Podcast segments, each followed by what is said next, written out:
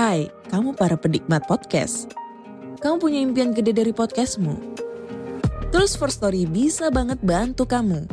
Mulai dari F-Link, Dynamic Audio Insertion, sampai statistik yang komprehensif. Semua ada di First Story. Gak ketinggalan kamu bisa monetisasi podcastmu lewat iklan dari First Story Ads yang bisa kasih kamu penghasilan dari setiap place podcastmu. Yuk gabung sekarang dengan klik di firststory.me. Sekali lagi, klik di firststory.me. Mari kita bawa mimpi podcastingmu menjadi kenyataan. Sobat Malam Mencekam, sebelum masuk ke cerita, gue bakal ngenalin sebuah hosting keren nih. Dan hosting ini cocok banget buat kebutuhan kita. Namanya First Story. Nah, sedikit penjelasan apa itu First Story ya. Jadi ini adalah sebuah platform palu gada baru yang paling keren. Di First Story ini, kalian bisa menggunakan fitur-fiturnya 100% gratis loh. Kamu bisa mengupload episode terjadwal dan mendistribusikan podcastmu di semua platform hit podcast kesayangan kalian. First Story menyediakan customer service yang luar biasa berkat tim yang berisikan podcaster berpengalaman. Kamu bisa share podcastmu tanpa ribet dengan F-Link ini yang akan mencakup semua link platform dan sosial media kamu. Dengan First Story Ads, kamu bisa mengakses monetisasi dengan sangat mudah. Kamu bisa cairkan hasilnya kapan pun kamu mau tanpa biaya tambahan dan tanpa ribet. So, tunggu apa lagi? Gunakan hosting First Story sekarang juga. Assalamualaikum warahmatullahi wabarakatuh.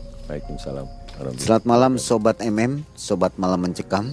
Apa kabar Anda hari ini? Senang sekali saya Mang Ei dan tim kembali menjumpai Anda di sela-sela waktu istirahat Anda malam ini ya. Jadi sebelum tidur, dengarkan dulu kisah nyata dari Malam Mencekam. Di depan kita ada bapak-bapak nih, namanya Kang Surya. Nah, Kang Surya adalah seorang pengusaha pada tahun 2000 dan mengalami keterpurukan di tahun 2006 ya.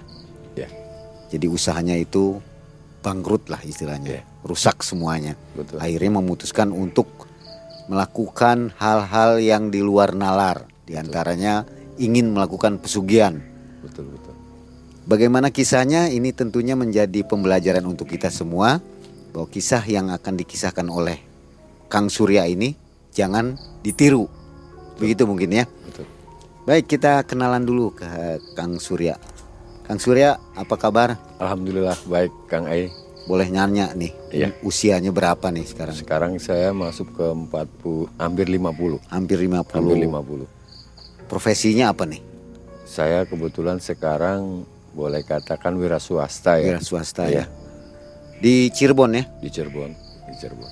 Baik, saatnya kita dengarkan kisah dari Kang Surya yang mengalami keterpurukan dan bangkit kembali. Silakan Kang Surya.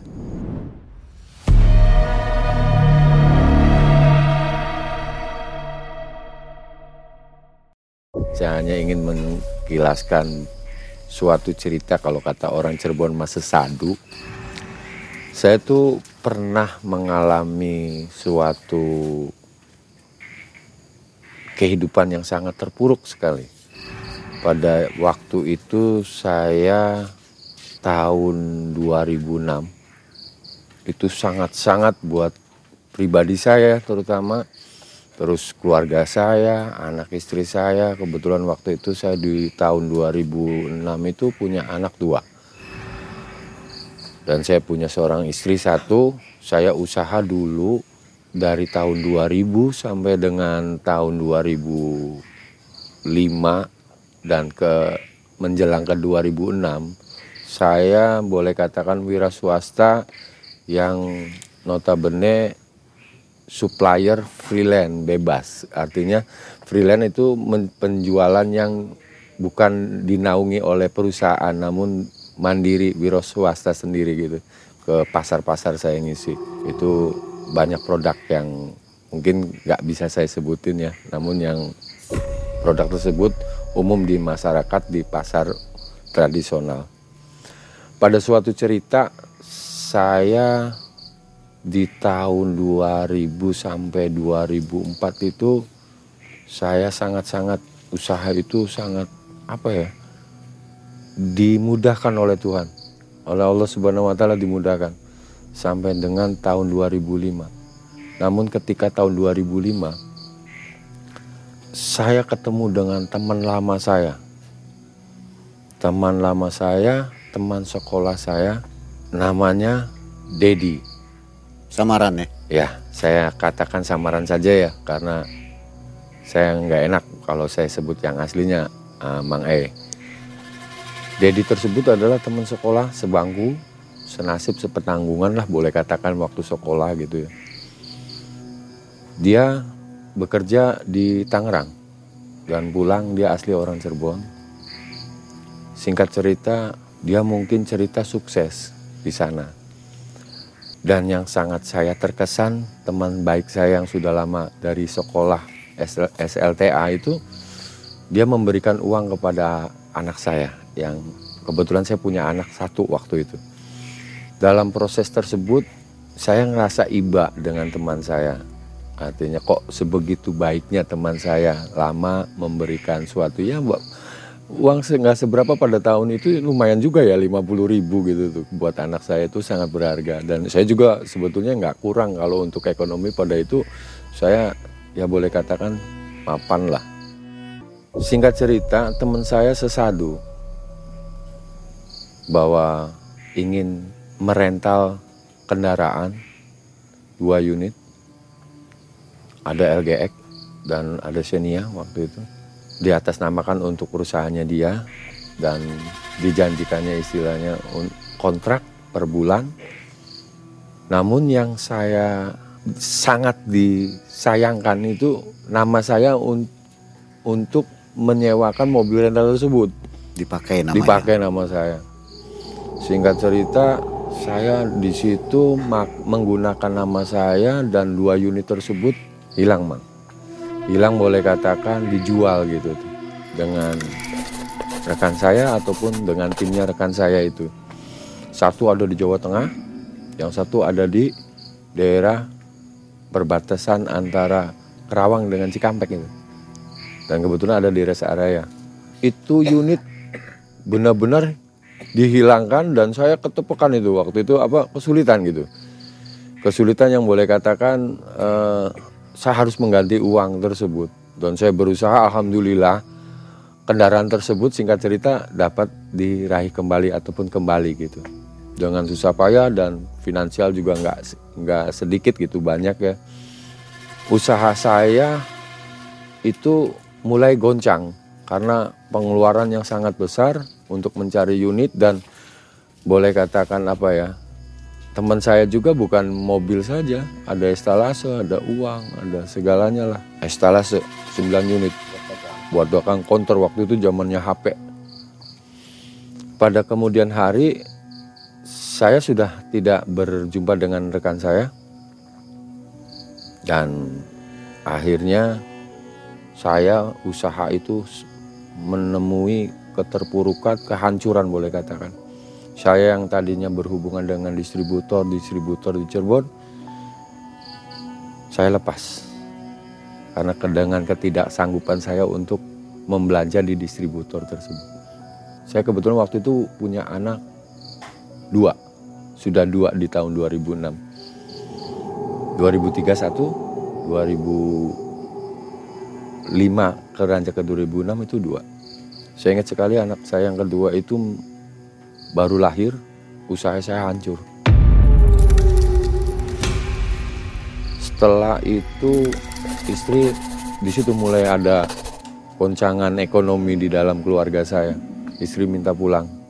Dan kebetulan istri bukan orang Cirebon. Istri saya orang Indramayu. Suatu ketika saya mengikuti istri saya di Indramayu. Kurang lebih antara tahun 2000 2007 ya, mau masuk 2007. Saya hijrah ke Indramayu. Suatu ketika saya mencari kehidupan untuk menafkahkan anak istri saya susah banget. Susah, Mang E. Untuk memberikan anak saya susu bubuk aja yang umur baru berapa bulan, saya nggak sanggup. Sampai saya jadi kuli. Kuli panggul di pasar yang notabene ongkosnya waktu itu 15 ribu. Ya saya lakukan gitu. Buah-buahan waktu itu saya ya boleh katakan mengadu nasib lah di daerah Indramayu. Pada suatu cerita saya mulai bangkit namun dagang juga. Tapi dagang kecil saya dagang wedangan. Ada kopi ada teh tubruk ada rokok hanya bungkus. Sebungkus kadang dua bungkus gitu teh botol sprite fanta gitu dan uang itu pun saya tidak tidak semudah dapat uang yang cuma-cuma saya dapat waktu itu minjam dengan yang boleh katakan bank keliling lah.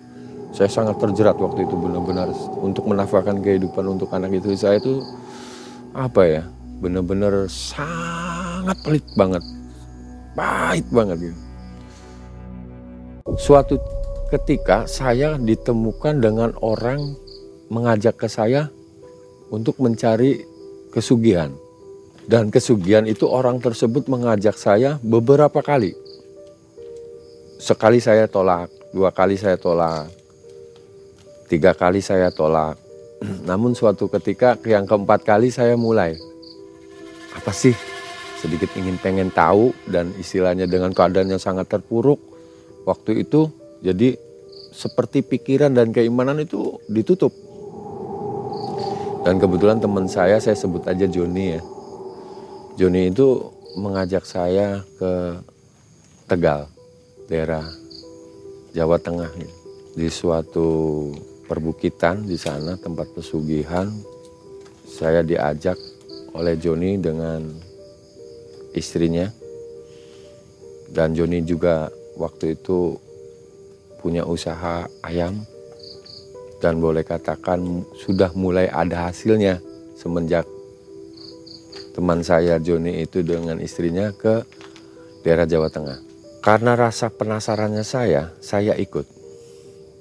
Di sana nggak jauh berbeda dengan cerita-cerita orang yang pernah mengalami mungkin saya juga pernah dengar si A si B nanya kepada orang yang misalnya juru kunci ataupun apa gitu ditanyakan nama lahir teman saya sudah beberapa kali ke situ sudah boleh katakan sudah 90% hari itu sudah 100 persennya hampir goal itu dan saya keluh kesah sama orang pintar di sana saya katakan orang pintar aja dah ataupun kuncen ya.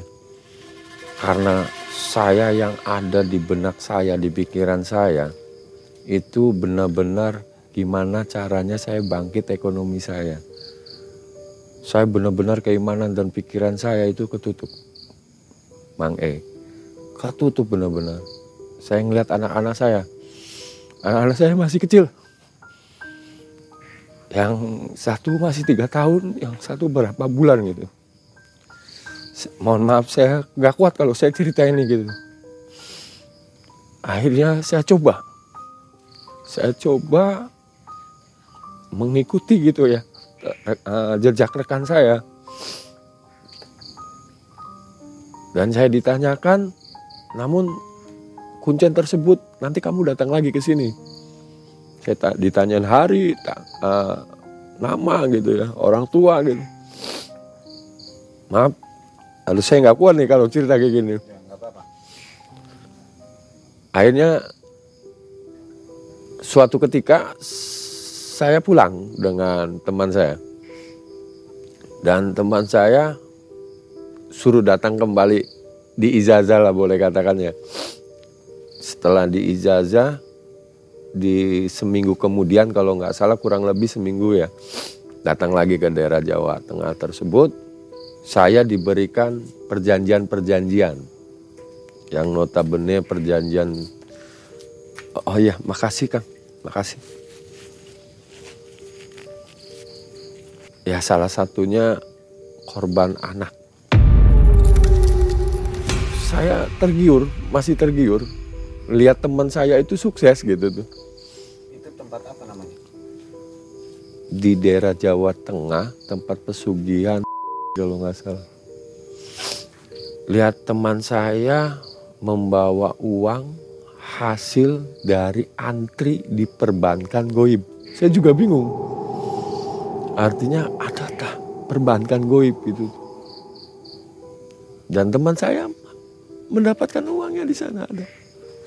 seperti antri aja dia cerita ke saya antri tiga kali mau bertemu saya berpikir di situ Mang E apakah saya dilanjutkan apakah tidak saya di situ perang batin antara pikiran saya hati saya pikiran bersih saya saya lihat anak istri Alhamdulillah mungkin Allah masih rahayu sama saya, melindungi saya gitu. Pertemuan yang ketiga saya tidak hadir. Tidak hadir. Karena mungkin karena saya nggak kuat kalau pengorbanannya kepada anak istri saya. Suatu ketika teman saya saya lihat perekonomiannya sungguh-sungguh melejit. Yang tadinya biasa-biasa saja sampai kaya mendadak lah. Tapi emang di daerah tersebut, di daerah teman saya itu rata-rata katanya mencari pesugihan gitu di bloknya tuh. Uh, Joni yang saya samarkan ya. Dengan istrinya saya nggak tak sebutin lah. Saya nggak enak privasi sekali gitu kang. Eh nah setelah itu saya lihat perkembangannya teman saya itu sangat-sangat melejit sampai punya mobil lebih dari satu. Karena saya dengan Joni sudah tidak uh, satu pemikiran, artinya saya sudah melepaskan kehadiran saya yang ketiga ke daerah Jawa Tengah tersebut. Akhirnya saya lama nggak ketemu Joni. Saya ketemu lagi dengan orang, teman ngobrol saya juga, ya teman kenal ya, karena kan saya bukan orang asli dari Indramayu. Yang saya bingung kan kok orang pada ngajak ke saya dengan keadaan saya yang sangat terpuruk itu mengajak cari kesugihan lagi. Tapi yang ini beda. Tuyul. Yang dia dia cari tuyul. Awal mu awal saya nolak. Sekali dua kali. Ketiga kali kalau yang ini akhirnya saya coba pengen tahu gitu. Di daerah Indramayu Majalengka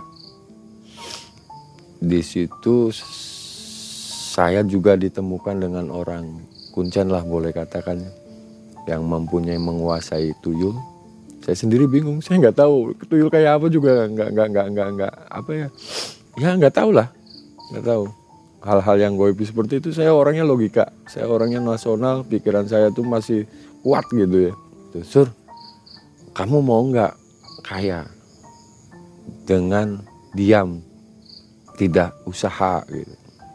Maksudnya usaha apa? Saya bilang. Apakah deposit? Waktu itu kan deposit ada gitu ya. Saya nggak punya uang. Ya investasi saya nggak punya uang. Saya bilang. Saya justru saya terpuruk. Kamu pun terpuruk saya bilang. Saya samarkan nama teman saya Didi aja ya. Saya tanya di kalau main tuyul itu hukumnya apa? Nah, jangan lihat hukum, kamu mau kaya apa tidak? Ke saya gitu. Karena dia lebih tua nganggapnya ke saya itu seperti anak saya sendiri gitu. Tapi saya kalau manggil Kang Didi itu Didinya saja. Tapi Kang Didi kalau nganggap saya seperti anak gitu ya sudah di kalau memang pemikirannya kamu seperti itu saya juga ekonominya lagi morat marit nih emang kalau main tuyul itu seperti apa saya dapat informasi dari rekan saya nak yang sudah sukses punya tuyul di sana tuh bermacam tuyul nak. Harganya ada yang 2000, ada yang 4000. Maksudnya 2 juta. Iya. 2 juta, ada yang 4 juta. Saya tanya, aduh uang 2 juta, 4 juta dari mana? Di saya sendiri orang lagi susah. Ya usaha lah nak, entah minjem entah apa gitu. Masa kamu nggak bisa? Emang dia logatnya logat logat orang Padang gitu. Oke di kalau memang begitu nanti saya usahain. Yang penting saya pengen tahu dulu sama orang yang punya tuyulnya saya bilang. Singkat cerita saya diajak dan di situ ada orang bukan satu ada tiga saya dengan Didi itu nomor keempat pasiennya beliau yang orang pintar ataupun juru kuncian itu tersebut ya yang punya tuyul. Giliran saya masuk sama, nggak beda dengan kejadian-kejadian yang kemarin. Artinya ditanyakan nama, orang tua, lahir di hari apa. Kalau yang 2 juta kelasnya kecil lah boleh katakan. Kalau yang 4 juta sedang, yang 8 juta dapat uangnya gede gitu, lumayan gitu. Dia kasih uh, arahan-arahan gitu ke saya di antaranya ada yang digendong, kalau yang 4 juta tuyulnya tinggal dibawa digendong seperti tangannya ke belakang. Ada yang juga kalau yang kelasnya rada mahal ada yang dijingjing seperti bawa tas gitu.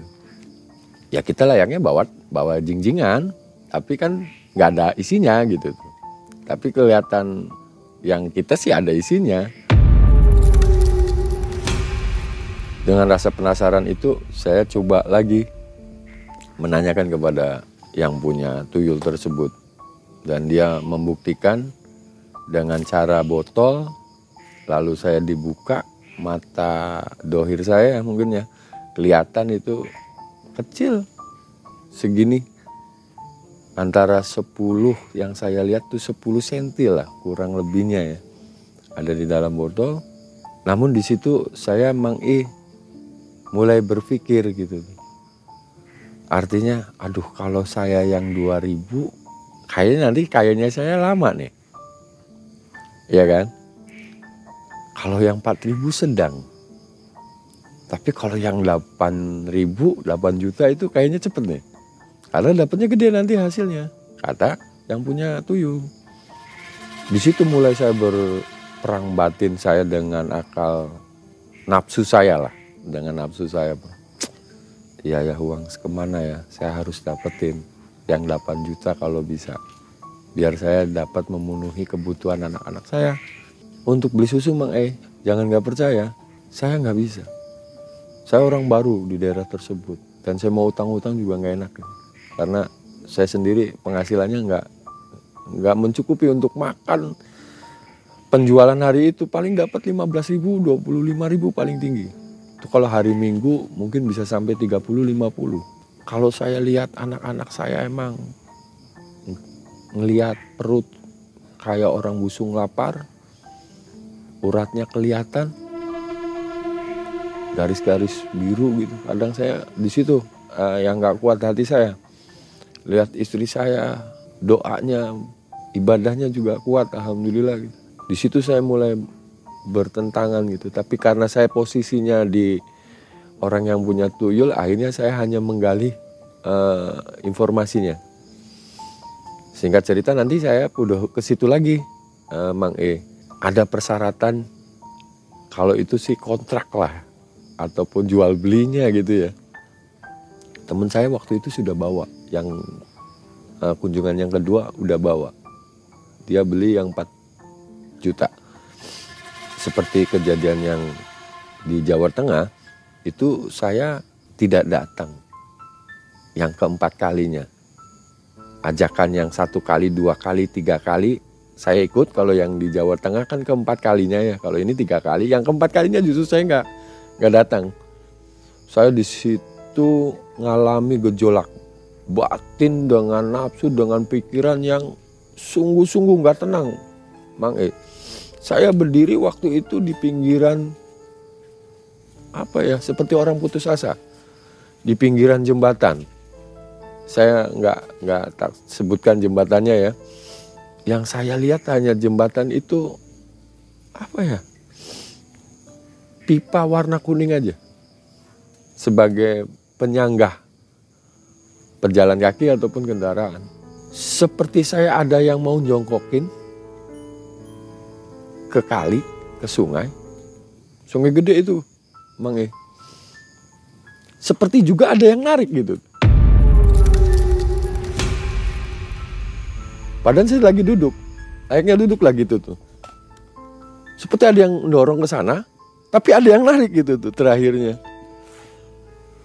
Di situ saya mulai lap.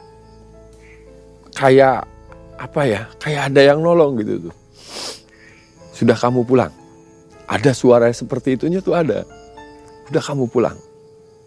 Tidur sana kamu. Singkat cerita saya pulang. Kebetulan jembatan itu nggak jauh dari rumah saya. Dari kos-kosan saya. Saya di daerah Indramayu kan tentunya kos ya. Lalu saya pulang. Saya nggak cerita sama istri. Saya langsung tidur. Keesokan harinya Didi bertemu dengan saya di pasar. Saya tanya, Di gimana Di? Kemarin jadi. Jadi sur. Berapa kamu yang dibeli saya gitu. Yang 4000 persyaratannya udah udah semua yang kemarin iniin. Gimana dampaknya? Lumayan sur. Dia katakan lumayan tuh, Mang E. Ya sehari mah nope mah, dapatlah nak. Sur, kenapa kamu nggak bisa berusaha untuk cari uang jumlah segitu? Bukan bukan berarti seperti itu saya bilang gitu. Saya nggak mampu untuk usaha saya yang jualan kecil-kecilan aja. Saya itu juga dapat utang dan untuk bayarnya juga saya susah saya bilang saya amatin emang Mang E dia yang tadinya nggak punya motor punya motor Mang E punya motor bukan satu dua. Ternyata saya baru tahu dan dengar sendiri dari yang punya tuyul itu suka nenen. Nenen istrinya teman saya Didi tersebut. Dan kalau mau operasi itu dia benar kata orang mitos gitu ya. E, tangannya ke belakang itu benar. Dan di jingjing itu benar dan yang bikin saya eh, nggak uh, paham ataupun saya ya sampai sekarang kuncinya itu tuyul itu kita kalau sudah dibawa di suatu titik berhenti yang ada cirinya, misalnya seperti tiang listrik ataupun pos ataupun toko, yang punya tuyul yang sudah pelakunya gitu tuh harus di situ, mang. Jangan pindah. Jadi melepaskan tuyul misalnya saya di pos ya, ataupun di apa ya tiang listrik lah. Ya saya harus berdiri di tiang listrik itu. Sampai tuyul itu kembali. Kata yang punya tuyul guru kuncian tersebut. Dan untuk istri teman saya itu harus pakai bukan harus pakai ya artinya pakaian yang nggak perlu bersolek pakai dasar aja di rumah aja dan kalau habis operasi itu nenen ke istrinya teman saya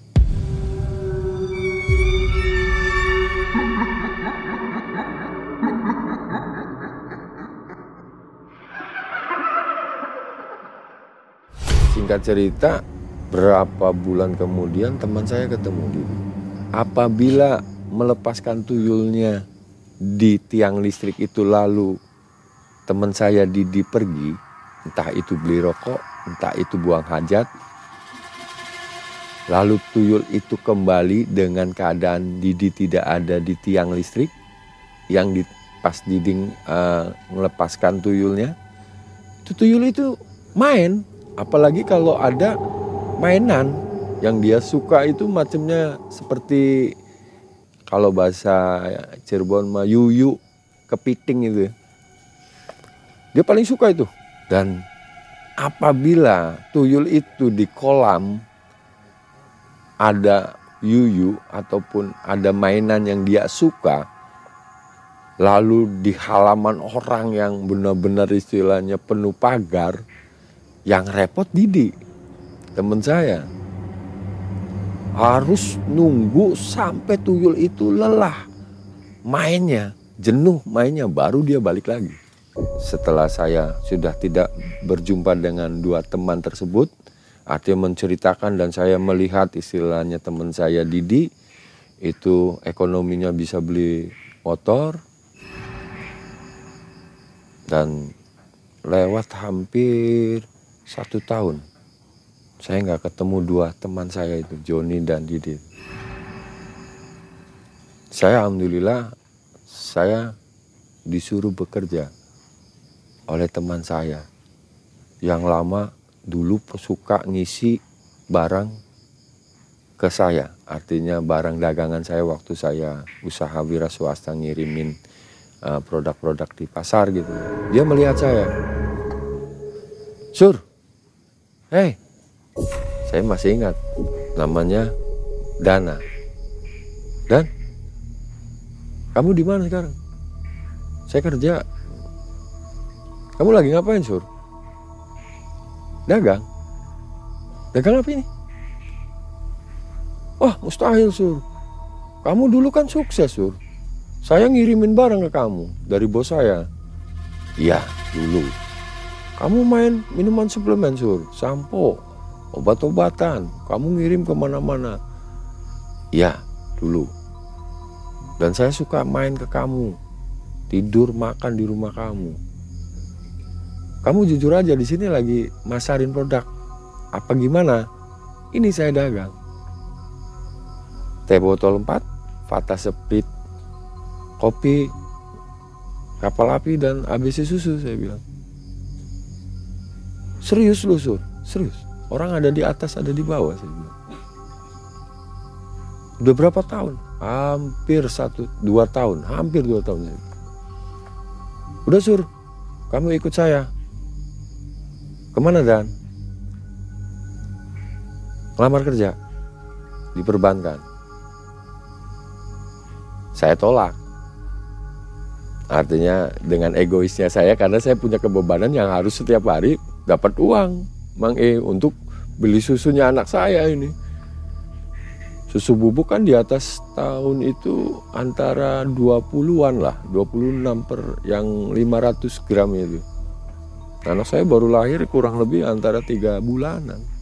Kalau anak yang pertama udah tiga tahun lagi lucu-lucunya. Kadang saya menangis ya kalau nggak ada uang, dia minta gitu. Saya ingat itu. Tapi setelah saya mulai beranjak, batin saya kuat, ikhtiar saya kuat, alhamdulillah saya nggak kejerat di lingkaran itu boleh katakan lingkaran setan gitu ya saya masih ingat anak istri saya masih ingat anak istri dan saya ketika itu menolak kerja sama teman saya dana semata-mata saya harus punya uang tiap harinya. Akhirnya alibi pemanis saya ya udah dan nanti saya ngelamar. Ya saya tunggu ya surya. Ya nanti saya lamar. Emang saya ngelamar Mang Ai?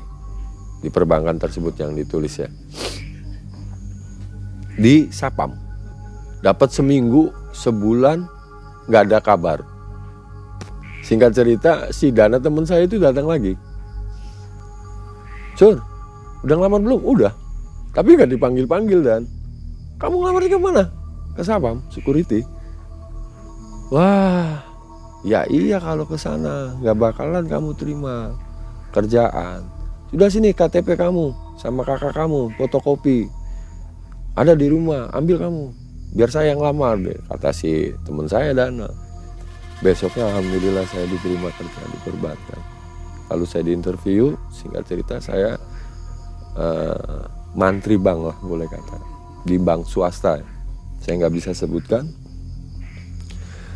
Jumpa dengan rekan saya yang pernah senasib dan pernah nanya ke orang-orang yang pintar yang boleh katakan pesugihan.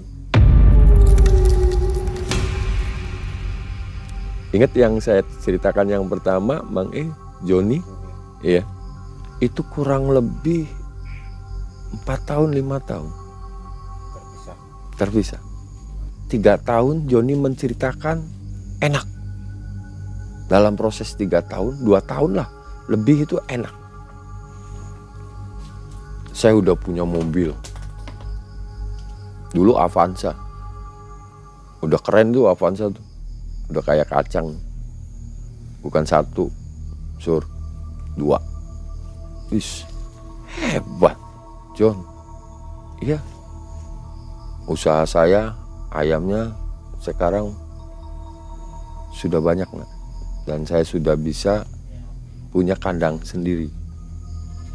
Kalau kandang ternak ayam, ayam potong itu kan panjang itu Mang Eh. Ada kandangnya aja 200 meter, 100 meter gitu, di sawah. Nanti dia kerjasama dengan uh, eh, PT gitu ya. Lalu dia menceritakan kesuksesannya dan dia juga suka silaturahmi ke Jawa Tengah ya mungkin tanda terima kasih gitu itu belum menceritakan kelurusannya tuh Mang E dan saya juga melihat teman saya uh, Didi itu ya sudah terangkat ekonominya singkat cerita pada tahun 2013 Joni itu ketemu. Ketemu lagi. Kurang lebih pertemuan dua tahun setelah pertemuan pertama tiga tahun lah kurang lebih. Joni keluh resah ke saya, Sur, apa? Nangis ke saya. Anak saya nggak ada satu, Sur. Yang kecil dia punya anak dua. Maksudnya meninggal sur, diminta tumbang. Kok bisa gitu saya bilang. Ya karena perjanjian waktu kita di sana sur. Emang kaya sur setelah itu sur. Saya kaya. Nah kamu sekarang gimana? Jujur sur, sebetulnya saya nggak kuat. Ini anak yang tinggal satu juga diminta lagi nih yang mungkin kamu tidak tahu aturan mainnya waktu itu. Kamu yang keempat nggak didatangkan, kamu nggak hadir. Yang keempat itu yang menentukan perjanjian antara anak kamu diminta jadi tumbal satu persatu. Nanti istri kamu, singkat cerita, dia sudah sudah sudah terasa mungkinnya Mang I. Artinya anak-anaknya mau diambil dia ketemu di saya di bengkel bengkel mobil. Dia bawa mobil mobil ayam keranjang. Dalam keadaan ayam kosong mobil kosong dia habis ngirim ke PT lalu dia keluh banyak cerita banyak ke saya. Ya kalau saya ceritakan mungkin nanti panjang gitu ya. Singkat cerita, Joni itu pergi pamit dan saya mulai beraktivitas lagi. Kebetulan waktu itu sekitaran jam 12-an saya istirahat kerja. Hanya ada waktu satu jam setengah saya ketemu dengan Joni. Dan rekan-rekan saya seperti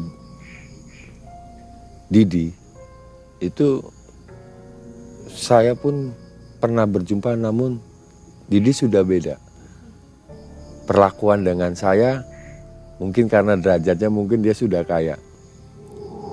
Saya waktu itu masih mantri lah ya, mantri bang nggak nggak seberapa lah bang ya.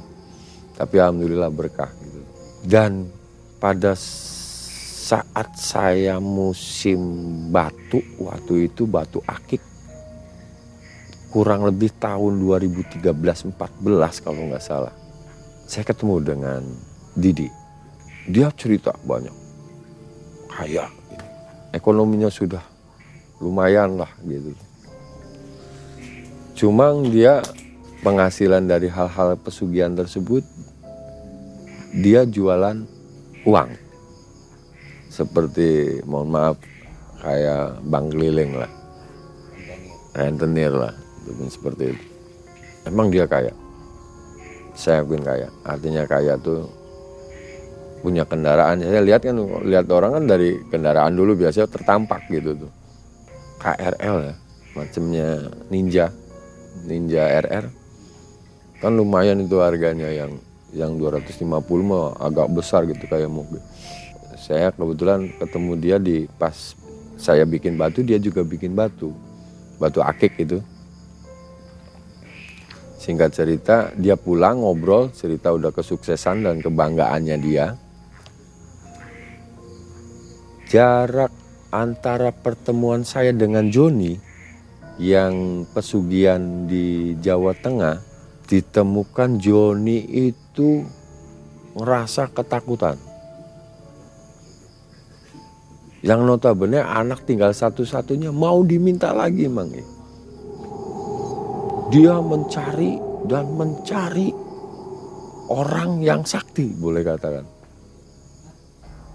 agar tidak terjerat polemik mata rantai pesugihan. Dia nanya ke saya. Dan alhamdulillah waktu itu saya ekonomi sudah mulai beranjak. Saya yang tadinya ngekos sudah ngontrak satu rumah.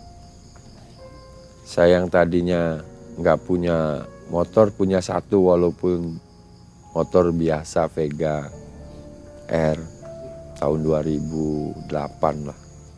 Dia tobat mungkin, Bang E. Dan endingnya dia ngerasa ketakutan. Ternyata yang kesugihannya itu istrinya Joni. Bukan Joninya.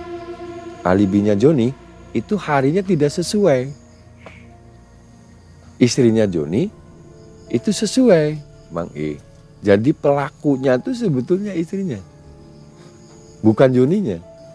Jadi perjanjiannya yang sesuai dengan persyaratan di kuncen sana itu istrinya bukan Joni. Tapi tetap aja dua orang tersebut kena gitu karena sudah menjalankan. Dia menceritakan keluh resah tentang anak yang tinggal satu-satunya, sakit-sakitan, muntah darah, badan kecil, namanya berobat udah boleh katakan puluhan juta karena Joni sudah tidak mau dan mau melepaskan istrinya pun juga mau melepaskan perjanjian kontrak itu. Tapi saya Allah bisa nggak tahu perjanjiannya seperti apa kan kita tidak tidak menjalankan. Jadi itu hancur dengan sendirinya. Habis mang Anak hilang satu, tinggal satu sakit-sakitan, muntah darah, amit-amit, naudzubillah mindalik. Terus badannya kecil, anak masih gadis, dan istrinya pun habis, habis badan, seperti kayak apa ya, tengkorak hidup, dan nggak bisa bergerak, hanya berbaring di tempat tidur. Di situ saya mulai introspeksi pada diri saya alhamdulillah ya Tuhan. Ya Allah subhanahu wa ta'ala kau selamatkan saya. Dua rekan saya yang notabene mengajak saya. Bukan saya mencari pesugihan mengajak.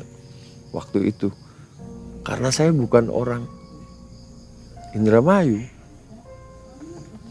Dan itu kisah nyata saya tuh, Mang dan alhamdulillah pada hari itu Joni mengeluh resahkan kehidupannya yang sudah hancur.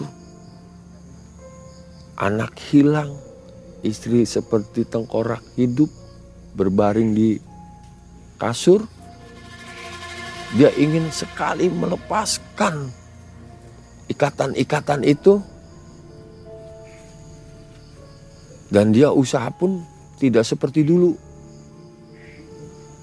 Yang tadinya punya kandang sekian ribu ayam habis untuk berobat.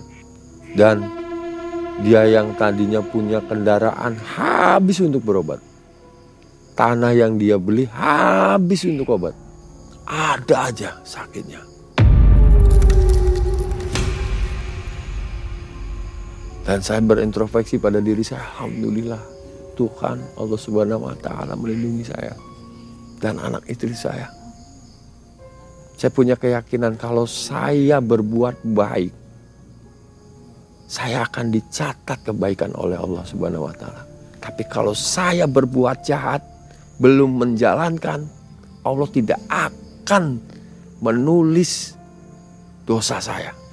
Dan Joni sangat menyesali perbuatannya. Dia mencari pada suatu ketika ketemu lagi, jumpa lagi dengan saya. Joni selamat. Istrinya pun alhamdulillah selamat. Tapi urusan dosa saya tidak tahu, Mang. Anaknya pun alhamdulillah selamat. Ada yang uh, memberikan suatu petunjuk ya endingnya ini pengalaman pahit yang mungkin bisa berbagi ke sedulur KBMM. Ah, untuk tuyul itu Didi tidak ketemu sama sekali dengan saya. Terakhir itu di tukang batu akik. Kondisinya masih kaya. Masih kaya. Waktu itu masih kaya. Nasib Masih terakhirnya Endingnya saya nggak mengikuti. Dan kebetulan waktu itu dinasnya saya pun di perbankan pindah di rolling. gitu. Jadi kalau Indo- Indramayu kan luas tuh ya. Saya pindah, pindah cabang, pindah cabang. Oke. Ada pesan yang ingin disampaikan dari kisah Oh iya, gini Mang E. Buat sedulur KB, MM, di mana pun berada, yang menonton video ini, saya hanya memberikan suatu masukan. Janganlah kita mencari instan dalam mencari rezeki dunia dengan cara yang tadi saya ceritakan seperti itu karena semua perbuatan pasti ada resikonya.